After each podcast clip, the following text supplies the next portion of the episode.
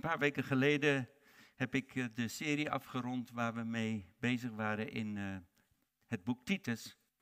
En uh, we zagen daarin dat Paulus duidelijk maakt dat wij niet gered worden of kunnen gered worden door onze goede werken, onze goede daden, of om wie we zijn of wat we hebben gepresteerd. Um, dat het genade is, puur genade van God, zijn liefde voor ons, zijn genade die hij ons toont in Jezus Christus. Maar we hebben ook gezien, en zo doet andere boeken in de Bijbel ons ook laten zien, dat uh, door, door werken kunnen we niet gered worden, maar als gevolg van onze redding en uit dankbaarheid naar God zetten we ons ijverig in om een godvruchtig leven te leiden. En daar wordt ook in dan woorden gebruikt zoals goede werken te verrichten. We zijn geschapen, we zijn Gods meesterwerk om goede dingen te, doen, werken of daden die Hij van tevoren voor ons heeft voorbereid. En uh, nou, ik heb even gezegd wat goede werken uh, in het algemeen uh, zijn, wat ze doen. Maar het heeft me bezig gehouden in uh, wat zijn dan goede werken? Want vaak als je het hebt over goede werken, dan denken mensen meteen aan uh, dat ze dit moeten doen en dat niet mogen doen enzovoort. En sommige van die dingen zijn wel waar, uh, maar daar gaat het niet altijd alleen maar om. En zo vanochtend uh, wil ik kijken naar wat Jezus daarover zei. Vorige keer zei ik, de eerste goede werk dat van ons gevraagd wordt, is dat we God liefhebben met heel ons hart, met heel ons ziel, met heel ons verstand en met al ons kracht. En, uh, en dat is een goede werk waarvoor we ons inzetten om de God die ons gered heeft te leren kennen. En Hem lief te hebben en Hem te willen dienen. En daaruit voert, vloeit voort dat we elkaar of ons naaste lief hebben. Maar ik ging zo naar, uh, naar, eh, daarna dus een beetje gaan zoeken, wat zegt de Bijbel over wat zijn goede werken. En toen begon ik in Matthäus hoofdstuk 5. En vanochtend wil ik kijken naar een paar dingen die Jezus uitspreekt, of Jezus uh, ja, spreekt over wat het godvruchtig leven inhoudt. Zo, goede werken is een onderdeel goede daden, de dingen die we doen, is een onderdeel van het godvruchtig leven dat God voor ons in petto heeft, wat God voor ons verlangt, omdat Hij weet dat is het leven waarvoor Jezus zich heeft gegeven voor ons. En uh, nou, ik, ik heb een heleboel moeten kiezen en weglaten. Zo, ik, ik heb me erin verdiept en dan leer ik ook weer dingen dat ik eerder niet heb gezien of dat ik vergeten ben. Maar ik heb gisteravond weer geschrapt en geschrapt, zodat het niet te lang wordt. Zo, ik haal een paar dingen eruit. In Matthäus 5, vers 13, we gaan een aantal teksten lezen van hoofdstuk 5 en die gaan ook dan zo verschijnen. Jezus zei tegen zijn volgelingen, jullie zijn het zout van de aarde. Niet jullie moeten het zout van de aarde worden, maar jullie zijn het zout van de aarde. En zoals we weten is zout een conserveermiddel. Het voorkomt dat iets gaat bederven. Het houdt verrotting tegen. Maar zout is ook een smaakmaker. En dus zegt Jezus tegen ons, jullie zijn zout. En daarmee toen zijn discipelen dat hoorden, dit was gesproken in eerste instantie tot zijn discipelen, maar andere toehoorders, die zouden meteen weten waarom Jezus zegt zout. Ze wisten wat zout, wat voor werking zout heeft. Zo Jezus zegt, jullie zijn in de wereld als de volgelingen van mij, als degene die gered zijn door de genade van God, als degene die geroepen zijn om mijn beelddragers en naamdragers te zijn in deze wereld, dat vervalt en verrot. Jullie zijn daar geplaatst als zout. Om te voorkomen dat rot, verrotting verder gaat en om smaak te geven in het leven, de aroma van Christus te zijn. Wie wij die Jezus Christus zeggen te volgen, behoren het verschil te maken als zout zijnde in een wereld, in een samenleving dat in verval is. Maar Jezus gaat verder in vers 14 en hij zegt, en jullie zijn het licht Weer eens, jullie zijn het licht van de wereld. Een stad die bovenop een berg ligt, kan niet verborgen zijn. En ook steekt men geen lamp aan en zet die onder de korenmaat, maar op een standaard. En hij schijnt voor allen die in het huis zijn. Laat uw licht zo schijnen. Zo Jezus zegt, jullie zijn het licht van de wereld. Wees daarom het licht. Laat je licht schijnen voor de mensen, dat zij uw goede werken, hier komt het, uw goede werken zien en uw Vader die in de hemelen is verheerlijken. Zo Jezus zegt, wees dat wat jullie zijn. Jullie zijn christen, gedraag je als christen. Jullie zijn zout, wees zout. Jullie zijn licht, wees dan licht.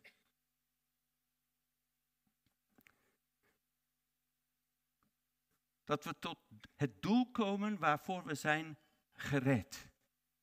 En een licht wordt gebruikt onder andere als een waarschuwingssignaal. Denk aan een vuurtoren. Dat licht schijnt, komt rond weer en weer.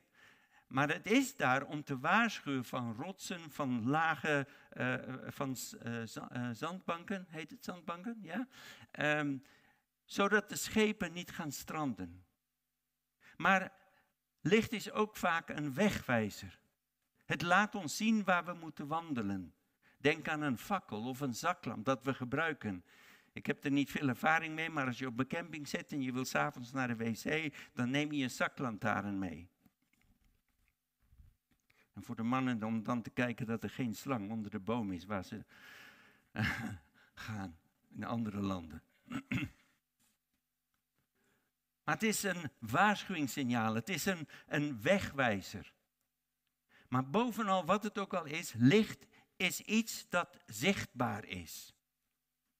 Licht is iets dat gezien zal worden. Het verlicht een donkere, duistere kamer. En als wij ergens komen, dan behoren wij die lichtdragers te zijn. Het is niet onze licht, maar het is de licht van Christus. Hij is het licht en hij schijnt in ons en door ons heen. Zo wij zijn als het ware weerkaatsers van dat licht. De wereld is in geestelijke duisternis. Maar volgelingen van Christus moeten ervoor zorgen dat het licht in die duistere wereld gezien wordt. En in deze context, waar Jezus dit van zegt, zegt hij, dat zal de wereld zien door de dingen die wij doen.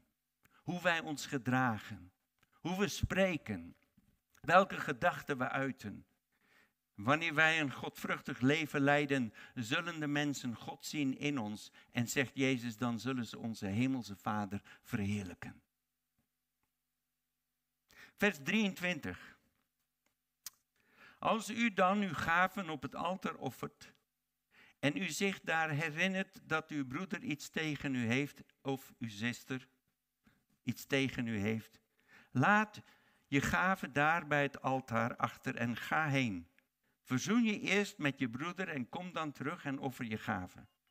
Stel, u, stel je zo snel mogelijk welwillend op tegenover je tegenpartij, terwijl je nog met hem onderweg bent. Wat Jezus hier zegt is dat verstoorde relaties die kunnen onze verhouding met God belemmeren. En daarom moeten wij zo snel mogelijk geschillen bij proberen te leggen. Als wij een grief hebben tegen iemand of als er problemen zijn, moeten we die zo snel mogelijk zien op te lossen. Tenminste te proberen die op te lossen. En als christen zijnde, als de beelddragers van God, als degene die gered zijn door zijn genade, voor wie Jezus zijn leven heeft gegeven en nu aan ons vraagt, wat doe jij voor mij? Zoals we een paar weken geleden gezien hebben.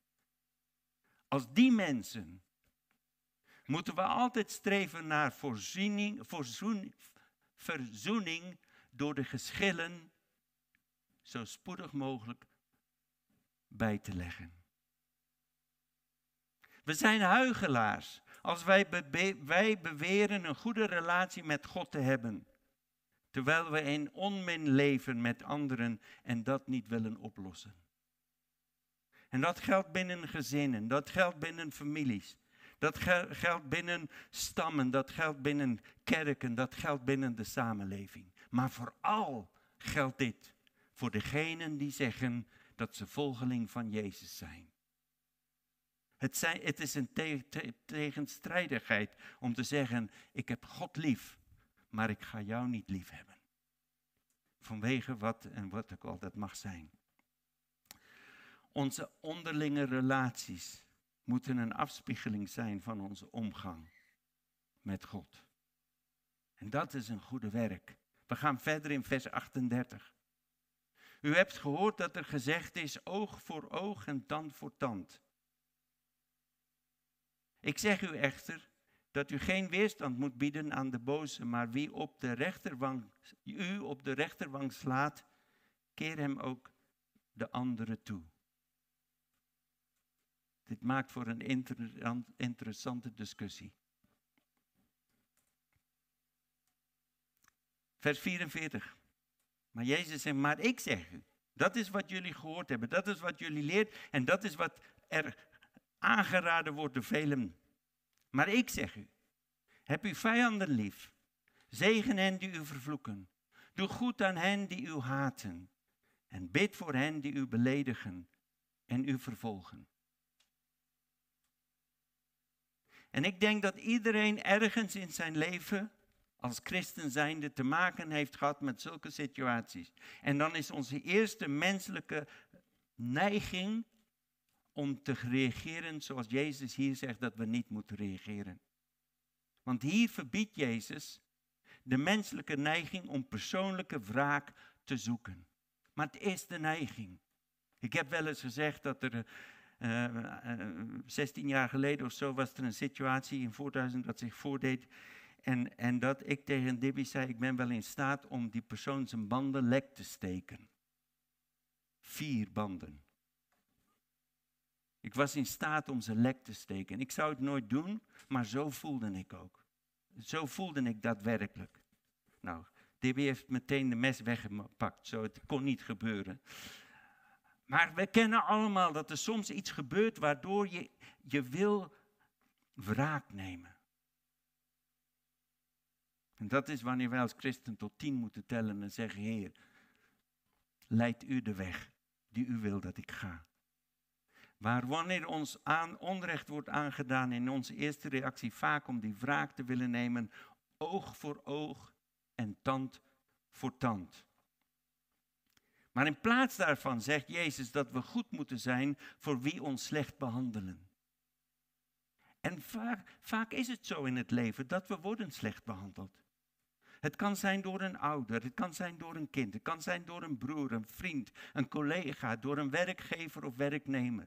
Het kan zijn door iemand in de gemeente, het kan ook zijn door een voorganger of een oudste of door een, iemand die net tot geloof gekomen is en in een gemeente zit. Wij moeten de stand niet steeds gelijk willen maken, maar liefhebben en vergeven. En weet je, dit is een punt waar ik in mijn leven als voorganger en gesprekken voer met mensen die in de problemen zitten. Ze hierop moeten aanwijzen. En dat vind ik lastig, want ik weet in mijn eigen leven hoe lastig ik het gevonden heb. En de situatie waar ik over spreek, een heel groot ingewikkeld situatie, maar ik had mensen die naast mij kwamen te staan, ook van dat team waar ik deel heb maken. En ze zeiden, Gert Joop, hoe moeilijk het ook is, maar dit is wat je moet kiezen om te doen. Ik zei, ja maar. Joop, we snappen het, we snappen je reactie, maar dit is de weg die Jezus wil dat wij gaan. En dan moet je dingen verwerken. En dan moet je naar God toe gaan en zeggen: Heer, ik wil anders hierin handelen. Ik wil uw beelddrager zijn. Ik wil het doen zoals u het wil. Maar ik geef aan hoe moeilijk het is. En dan zit ik met iemand en dan is er een ruzie geweest, misschien in een huwelijk. En dan praat je over deze dingen.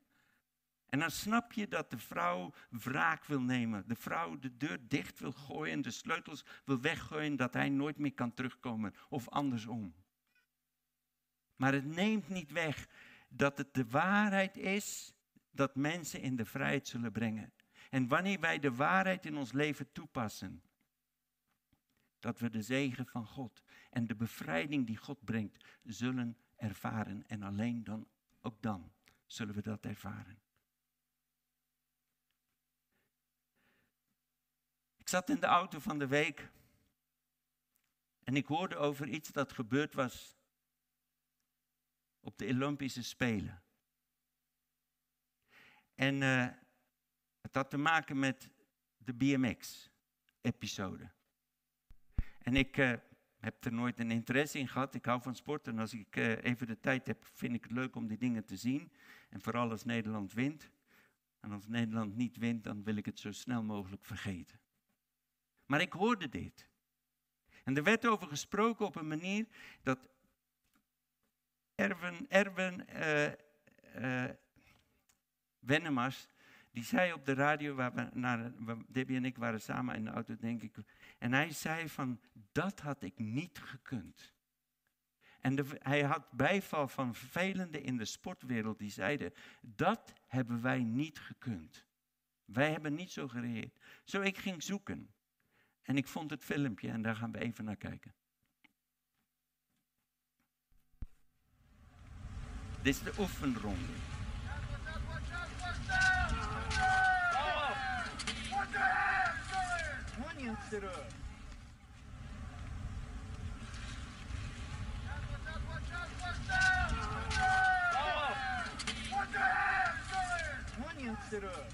Zo, die man die daar valt met zijn fiets is uh, Nick Kimman.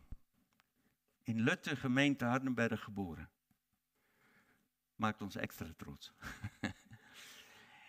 en uh, die geeft zijn leven aan het BMX'en. En hij loopt voor en hij is een favoriet om die uh, wedstrijd of die, die klasse, die BMX-ding te winnen. En ze zijn met de laatste oefenronde bezig en een official doet iets heel stoms en die loopt over de baan heen. En Kimman die fietst tegen die man aan en je ziet die man daar ook rollen. Maar wat het bijzondere is waarover gesproken werd, is dat hier dreigt de droom van Nick Kimman in deugen, duigen te vallen. Waar hij zich jaren voor heeft ingezet. Waar hij zich op voorbereid heeft. Waarvoor hij andere dingen aan de kant heeft gezet, zodat hij dat doel in zijn leven kan bereiken. Om goud op de Olympische Spelen te halen in 2021. En dan loopt er een official over de baan. En hij loopt voor in zijn reis en hij gaat tegen die man aan. Maar wat deed het? En dit is het bijzondere. Hij stond op, je zag hoe hij rolde. Hij staat op en de eerste wat hij deed is hij ging naar de official om te kijken hoe het met hem is. En dat is wat Erwin Wennemars en de anderen allemaal zeiden. Dat hadden ze niet kunnen. Op dat moment is hij is degene die mijn hele droom onmogelijk maakt, verpest. Hij is degene die mijn knieschijf heeft laten scheuren. Zo, toen zag ik een interview en hij zei van, ja, het is gescheurd, hebben de artsen gezegd. Maar hij zei, ik ga pijnstillers nemen en ik ga het alsnog proberen. Maar ik weet niet hoe ze dat doen, want die fietsjes die zijn zo klein. En, en ik, als ze zitten op de ladder, dan komen hun knieën boven hun kop uit. maar hij doet het. Of niet tenminste, hij doet het, maar dat is zijn houding. En dan denk ik, ja, hoe vaak heb, ben ik in het leven geweest dat een stomme of een, een official een stomme beweging maakt en voor mij inloopt en mijn plannen moeten helemaal veranderen. En is het niet echt een official? Maar dan zijn er dingen die gebeuren in mijn leven waardoor ik dan, hoe reageer ik? Ga ik dan als iemand die Jezus in zich heeft, die Jezus wil vertegenwoordigen, die getuige wil zijn van Jezus Christus, loop ik dan naar die persoon toe en zeg van, hoe is het met je? In plaats dat ik zeg van, kijk mijn fiets, kijk wat het moet gaan kosten, kijk naar mijn knie, kijk naar mijn elleboog. Hoe ga ik dit verder doen? En dat voorbeeld sprak mij zo aan, waarin ik zie dat deze man mij een les leert. In plaats van op onze rechten, te eisen, onze rechten op te eisen, vraagt Jezus ons vrijwillig af te staan, afstand te doen van die rechten. Maar wij zijn zo snel dat we onze rechten opeisen. Ik heb gelijk, jij moest daar niet zijn. Niks daarvan. Wij zouden meteen, een advocaat zou hem eh, aanraden van, uh, wat is Sue? Klaag hem aan. Schadeclaim. Dat is onze samenleving. Maar Jezus zegt een godvruchtig leven begint met de juiste houding. En dan denk ik, zoals ik zei, in mijn eigen leven, maar dan denk ik ook soms als ik mensen hoor spreken van ik heb gelijk, hij zal eerst moeten buigen. Ik heb gelijk, hij zal door het stof moeten gaan. Ik heb gelijk en ik heb recht op vergoeding en wat ook al. Een godvruchtig leven begint met de juiste hartsgesteldheid en houding. Het gaat niet in eerste instantie om de dingen die we doen, de goede werken of de goede daden. Die zullen vanzelf eruit uit voortvloeien wanneer wij een dankbaar hart hebben naar God toe. Wanneer we waardering hebben voor wat Jezus voor ons gedaan heeft aan het kruis. En dat God ons gepakt heeft uit de diepe modderlach, slik waarin we zaten en ons heeft gered. En uit die dankbaarheid gaan we zeggen, Heer, wat wilt u dat ik doe? En dan zal God, dat godvruchtig leven daaruit voortvloeien. Het zijn de uitwerking van wie wij zijn in Jezus Christus. Dan zullen we niet op onze rechten willen staan. En het is een proces natuurlijk. Ik zeg niet dat ik er vanaf ben, ik zeg niet dat ik dat nog, nog wel eens heb. Ik roep ook niet op dat we een volmaakt leven hebben, maar we zien dat goede, goede, werken het resultaat zijn van de transformatie die de Heilige Geest in ons heeft bewerkt door de wedergeboorte en in ons bewerkt wat heiligmaking wordt genoemd in de Bijbel. Dat is een proces voor ons leven hier op aarde.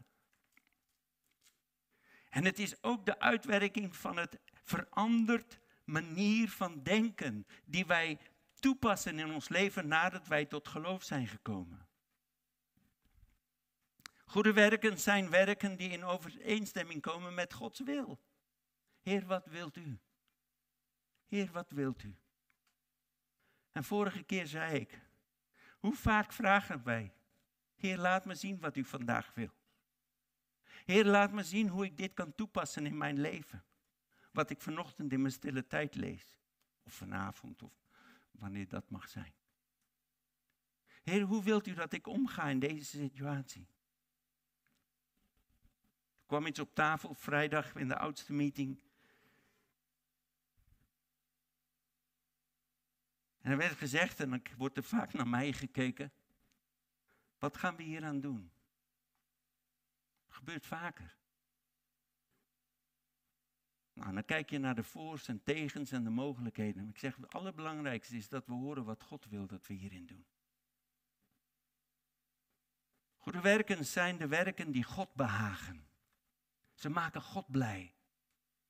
Ze doen veroorzaken dat we God horen zeggen, goed gedaan. Ik ben trots op je. Ze behagen God. Ze zijn die daden die Jezus Christus eren en onze hemelse Vader verheerlijken. Dat zei Jezus. Wees het licht van de wereld. Als mensen kijken naar het licht en daardoor gaan ze Jezus in jullie zien. En dan wat gaat er gebeuren? Ze gaan mijn hemelse Vader, jullie hemelse Vader verheerlijken.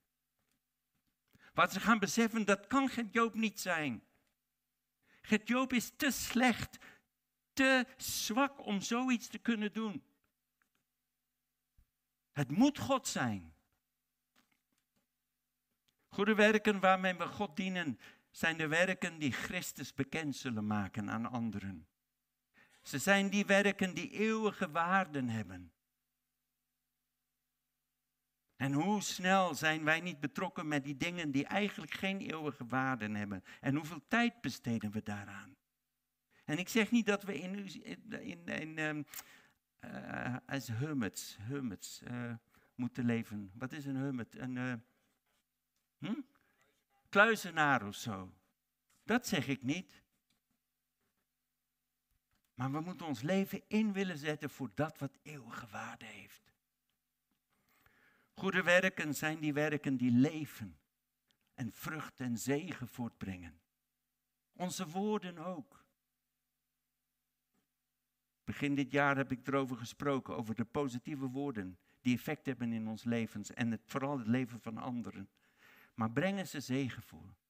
Mensen die altijd op hun, in hun gelijk willen zijn, gelijk willen gesteld worden. Mensen die altijd alles beter weten, die brengen meestal geen zegen voort. En vaak brengt het verwarring en onrust en onzekerheid voort.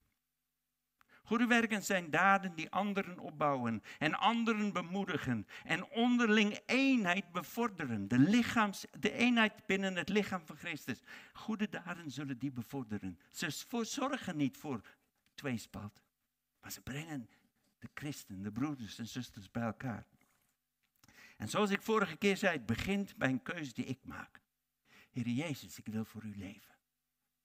Heer Jezus, ik ben gevormd door mijn familie waar ik, mijn gezin waar ik uitkom, door de school waar ik ben geweest, door het land waar ik in opgegroeid ben, door de dingen die ik gelezen heb, door de dingen die ik gedaan heb, mijn cultuur, wat ook al.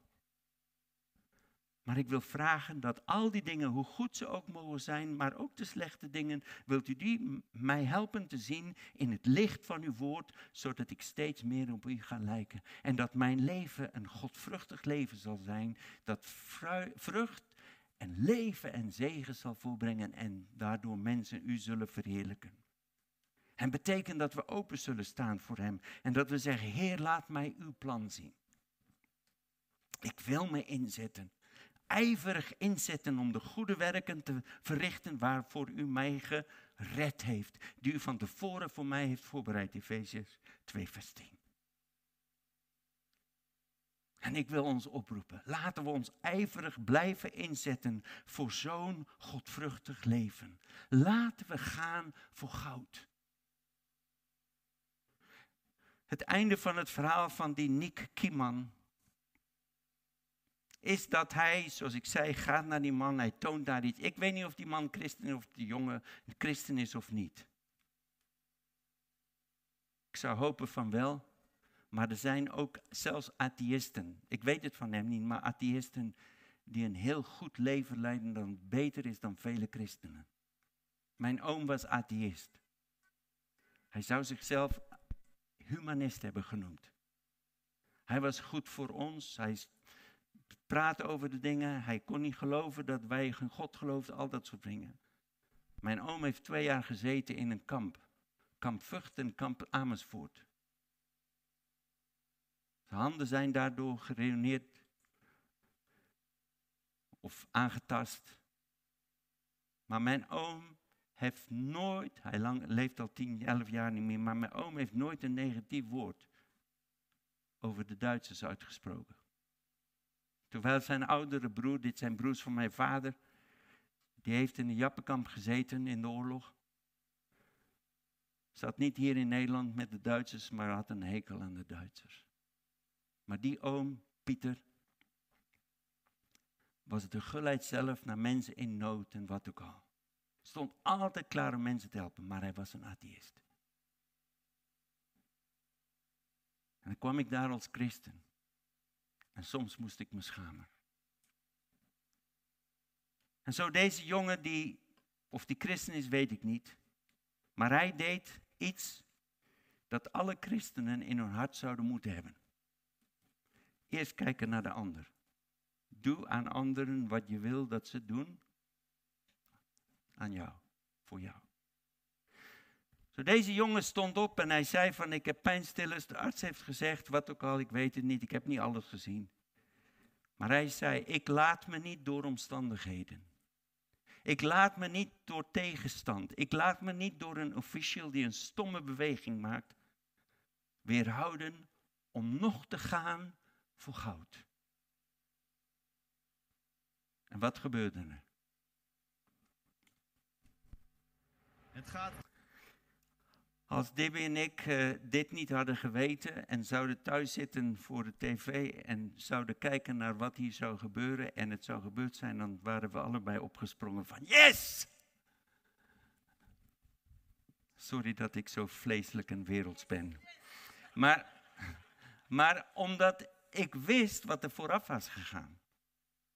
En dan denk ik aan mijn eigen leven, dan denk ik aan het leven van andere mensen, dat wanneer er een klein beetje tegenwind komt, wanneer even iemand roet in het eten gooit en je even niet door kan gaan met je droom voor goud, hoe we dan ook het opgeven.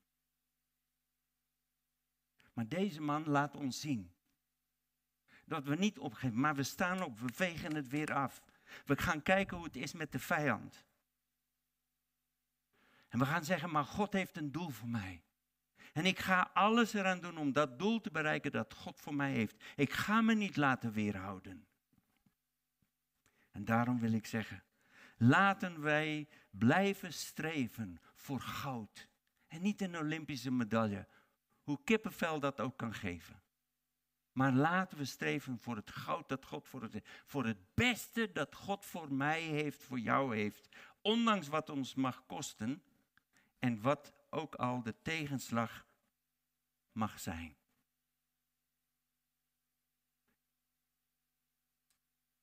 Hemelse Vader, dank u wel voor uw woord.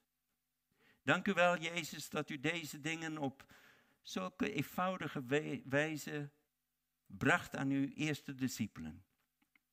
Dank u wel, Heilige Geest, dat u mensen deze woorden hebt laten opschrijven.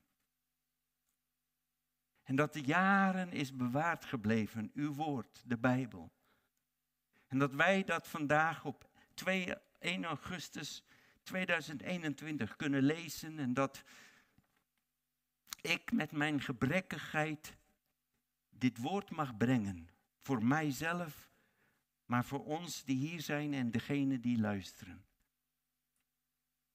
En ik wil vragen dat u dit woord wil nemen, Heilige Geest, dat u heeft geïnspireerd voor anderen om op te schrijven, maar dat u vandaag ook onze leraar wil zijn.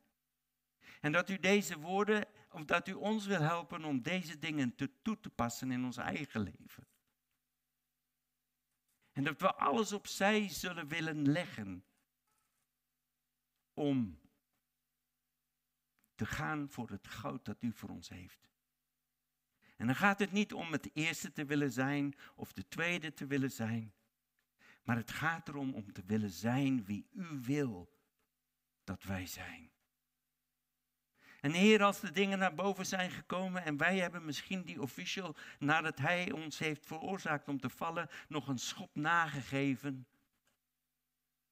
Help ons, Heer, om nederig terug te gaan en te zeggen, zo had ik niet moeten reageren.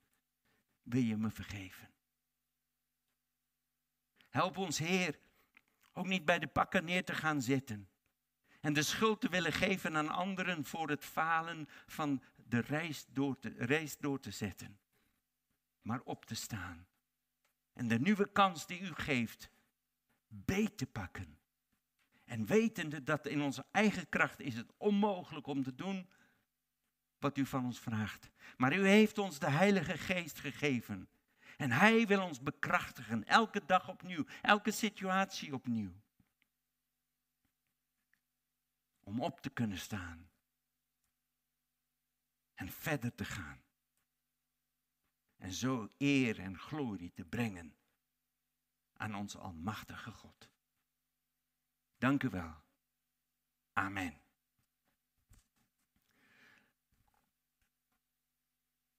Moet ik afsluiten nu? Oké. Ik wist niet of er nog een lied komt, maar dat kan weer niet voor de, voor de mensen. Ik wil afsluiten met een, uh, iets dat gisteren op mijn hart kwam te leggen. En dat is dat de boodschap die, al zouden jullie dit vergeten, ik hoop het niet, ik hoop dat het er iets mee doen. Maar wat het allerbelangrijkste is om vanochtend te zeggen tegen iedereen die hier zit, maar ook tegen de kijkers, dat God van je houdt. En dat jij van onschatbare waarde bent. En daarom wil Hij jou verlossen en redden. Het is vanwege Gods liefde voor ons. En dat we van zulke, zo'n onschatbare waarde zijn.